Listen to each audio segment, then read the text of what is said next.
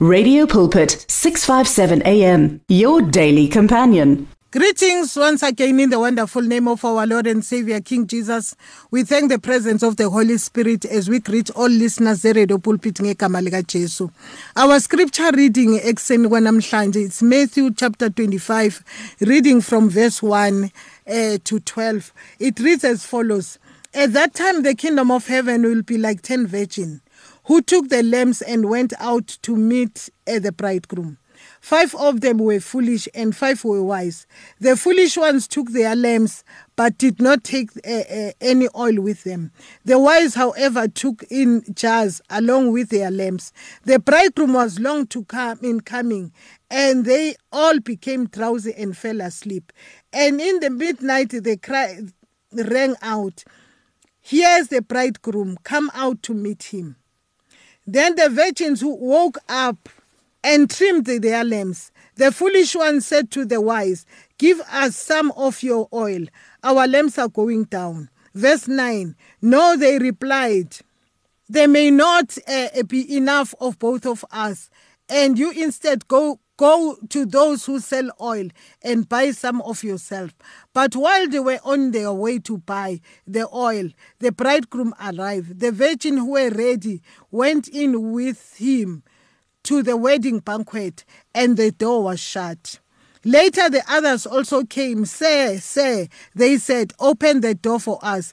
But they, he replied, I tell you the truth, I don't know you. Silibonge izwi likaNkuluNkulu ekseni kwanamhlanje. Manje itopic yemessage yethu namhlanje ithi do not be fooled. I reason for this topic is that in life sometimes we are fooled ngabantu esihamba nabo nabantu aba-acta njengoba senza. Manje sometimes we are fooled ngabantu abathi masilindile nabo balindile. And sometimes we are fooled ngabantu abathi masisendleleni nabo sibabone behamba nathi indlela. And sometimes we are fooled ngabantu abathi makukhalwa sibabone nabo ngekhala but there are factors of life that will reveal the truth ngabo ukuthi actually we are not on the same page nalaba bantu. Manje uma sibheka lapho eh uJesu Kristo is making a parable of the 10 virgins and all those uh, 10 they had the same reason to wait. And they were all waiting for the groom. But what is not revealed kule chapter of scripture is their motive. Because in whatever we do eh the the emotive yiyo uNkulunkulu ayibhekayo.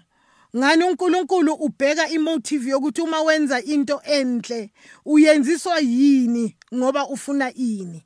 Manje lana uma sibheka njengoba izwi kaNkuluNkulu lisho kwizaga 21 kuverse 2 lithi every man's way is right in his own eyes but the Lord weighs the motive.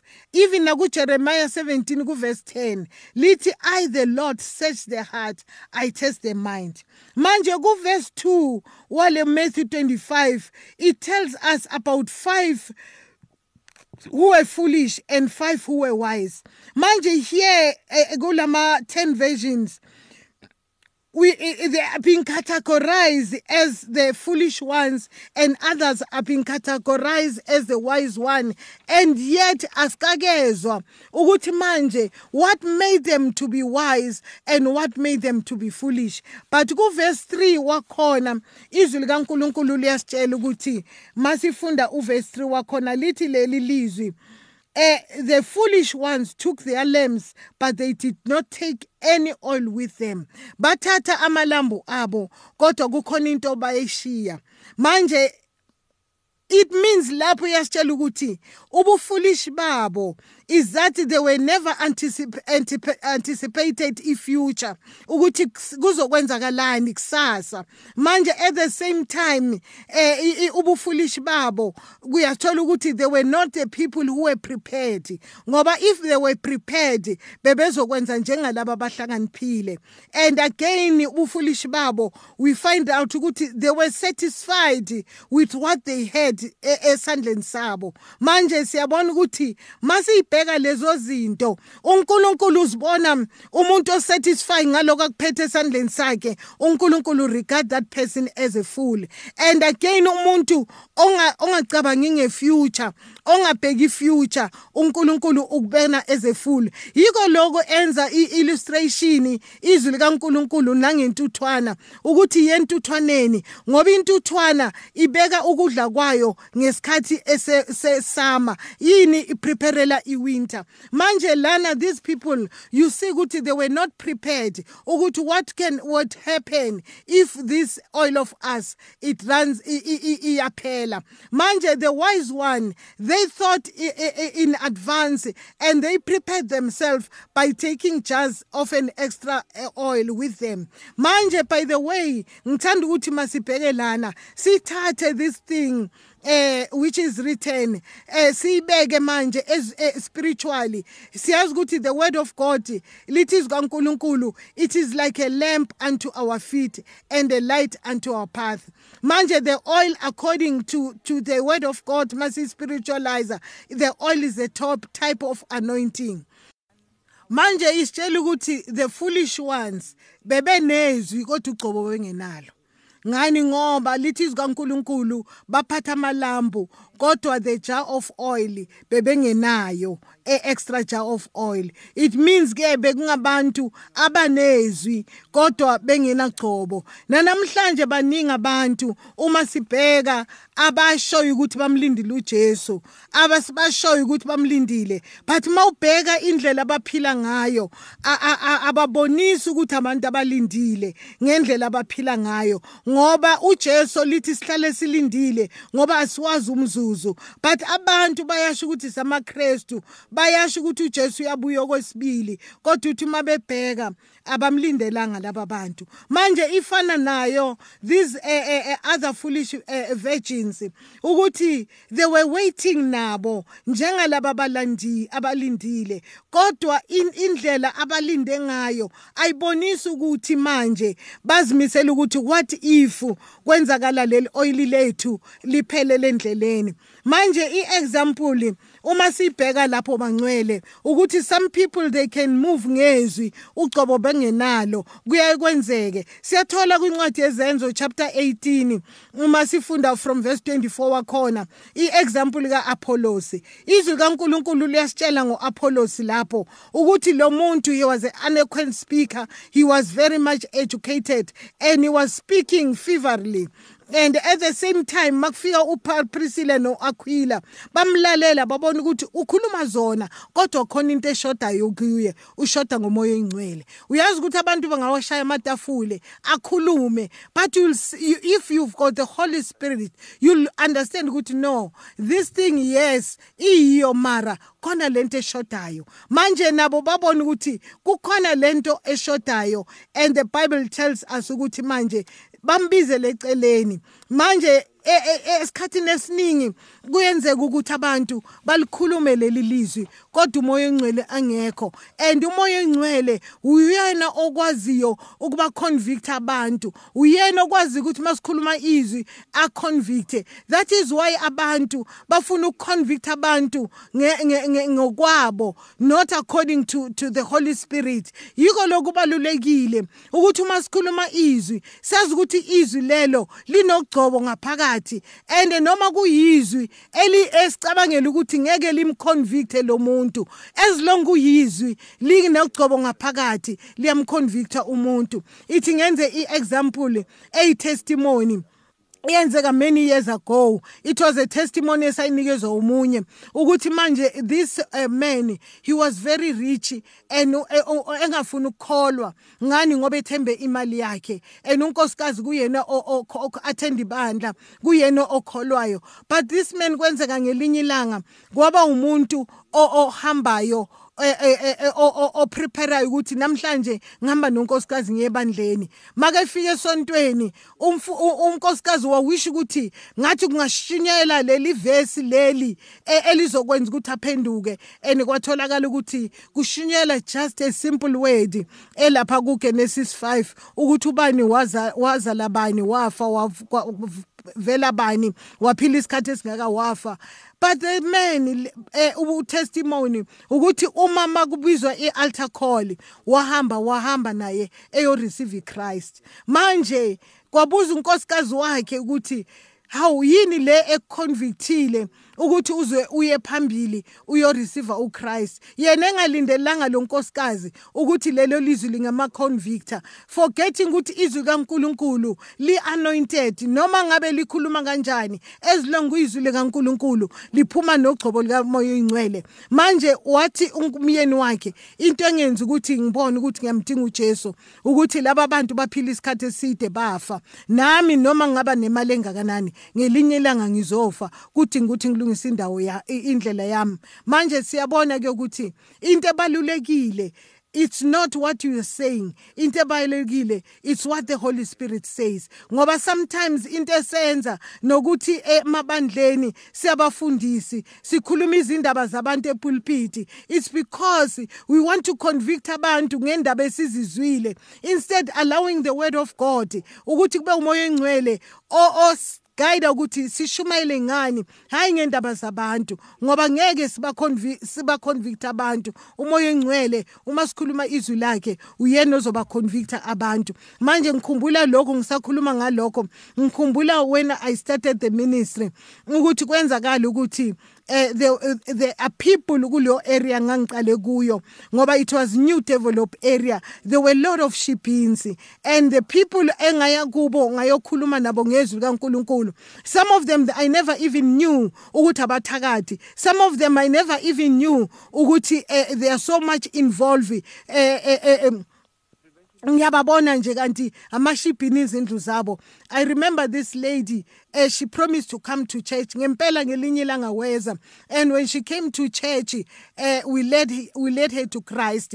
But into esayenza saqhubeka ngokufundisa i discipleship njengoba kuwabantu abaqala ukusindiswa saqhubeka ukufaka imikhuleko. Sithe ngokuloku siqhubeka kanjalo. Ngelinye lamalanga wama ngaphambili waconfessa wathi nibona kule ndawo yami bekugcwala abantu kangaka bekhona into engiyishisayo eyifutha eli attractor abantu ukuthi bezothenga.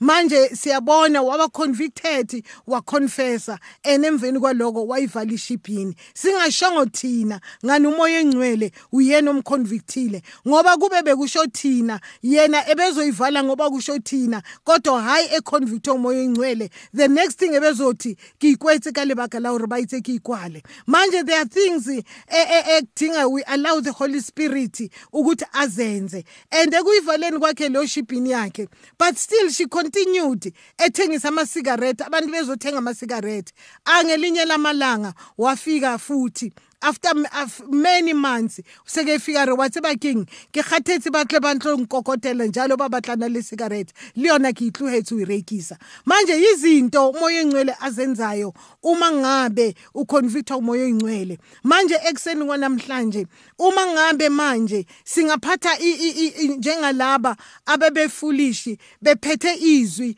bengephathanga igcobo. Alenzi mix izwi ngoba uNkulunkulu uma wadala in the beginning lithi uNkulunkulu make khuluma. The holy spirit was there hovering and uNkulunkulu make khuluma. The holy spirit was creating together with him enza umsebenzi. Nathi kuze sisindiswe lakhulunywa izwi lakhulunywa but there's this word elafinyelela emntwini elamconvicta elekwenza ukuthi ungalali. Manje yikho lokusithi manje this foolish eh, eh, eh, eh virgin bebephethe izwi kodwa bengenagcobo. And lithi izwi kaNkuluNkulu maliqhubeka lapho lithi eh, lapha kuverse lento kuverse 6 wakhona at midnight the cry the cry rang here is the bridegroom come out and meet him. Ngani? Ngoba they felt drowsy bakhathala.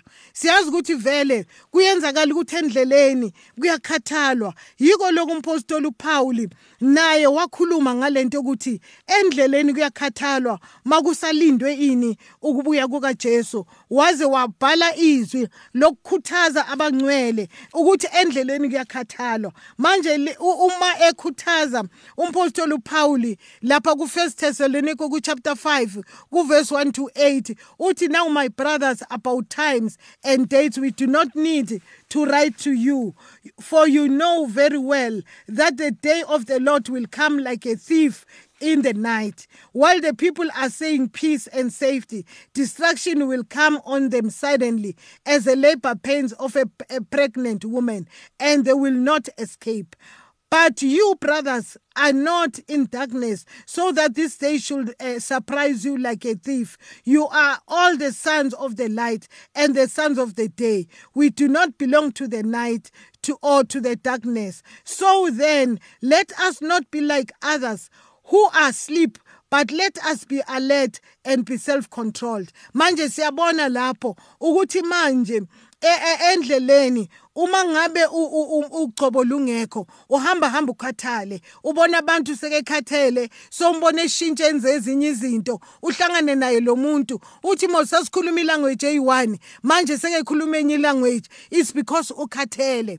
Ngani endleleni? Ugcobo akanalo ubehamba ngestrength sakhe. Endleleni yethu asihambi ngestrength sethu ukunqoba kwethu asinqobi ngestrength sethu. Yiko lokhu uNkulunkulu ekhuluma nompostoli uPaul uPauli la umpostoli uPauli ekhuluma ngeva ukuthi kunethorn elimhluphayo wathi uNkulunkulu wathi uNkulunkulu kuye eh my grace is sufficient. Manje into esustainayo is the grace of God ukuthi sikwazi ukuhamba lendlela manje esikhathini esiningi eh singaliquote izwi likaNkulunkulu from Genesis to Revelation but what is important ukuthi sibe abahlakaniphile. We need to have this anointing of the Holy Spirit. Manje siyayithola indaba le yokuthi manje la, la, those foolish virgins what they did endleleni izwi kaNkuluNkulu liyasitshela ukuthi bakhathala balala.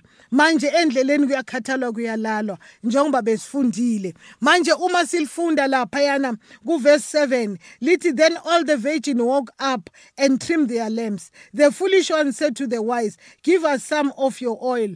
Our lamps are going out manje it is not the people abazosinika lento it is the holy spirit esinikeza ugcobo. Abantu bangakubeka izandla. If the holy spirit never laid hands on you sizibeka izandla mahala. That is why umpostoli uPaul ekhuluma athi do not be hasty in laying of hands.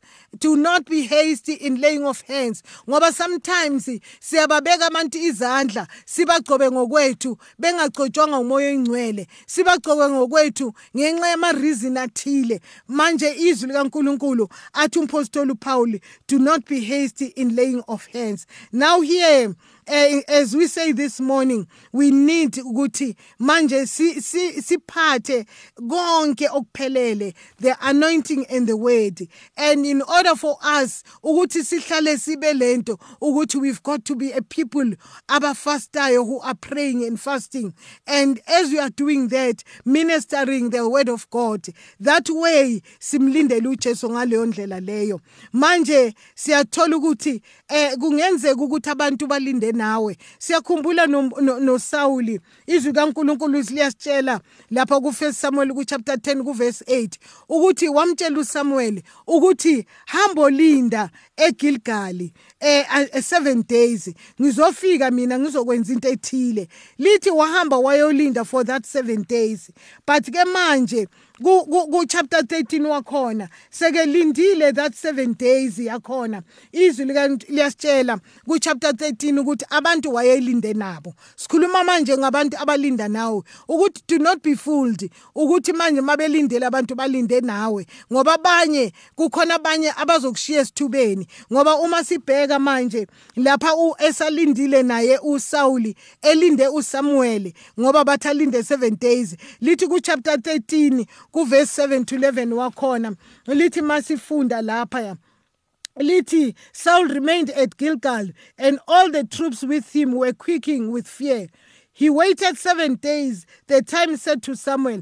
But Samuel did not come to Gilgal, and Saul's men began to scatter. So he said, Bring me a burnt offering and a fellowship offering. And Saul offered up a burnt, a burnt offering. Just as finished making the offering, Samuel arrived, and Saul went out to greet him. Manje lapho siyabona ukuthi wayelinde nabantu bathi bamlindisile.